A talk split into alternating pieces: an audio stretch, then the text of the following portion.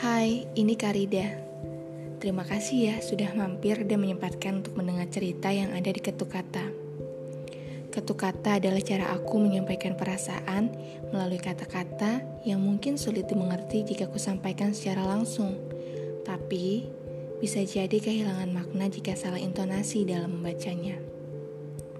Ketuk kata adalah pesan teruntuk mereka yang telah hadir dalam hidupku. Terima kasih telah hadir.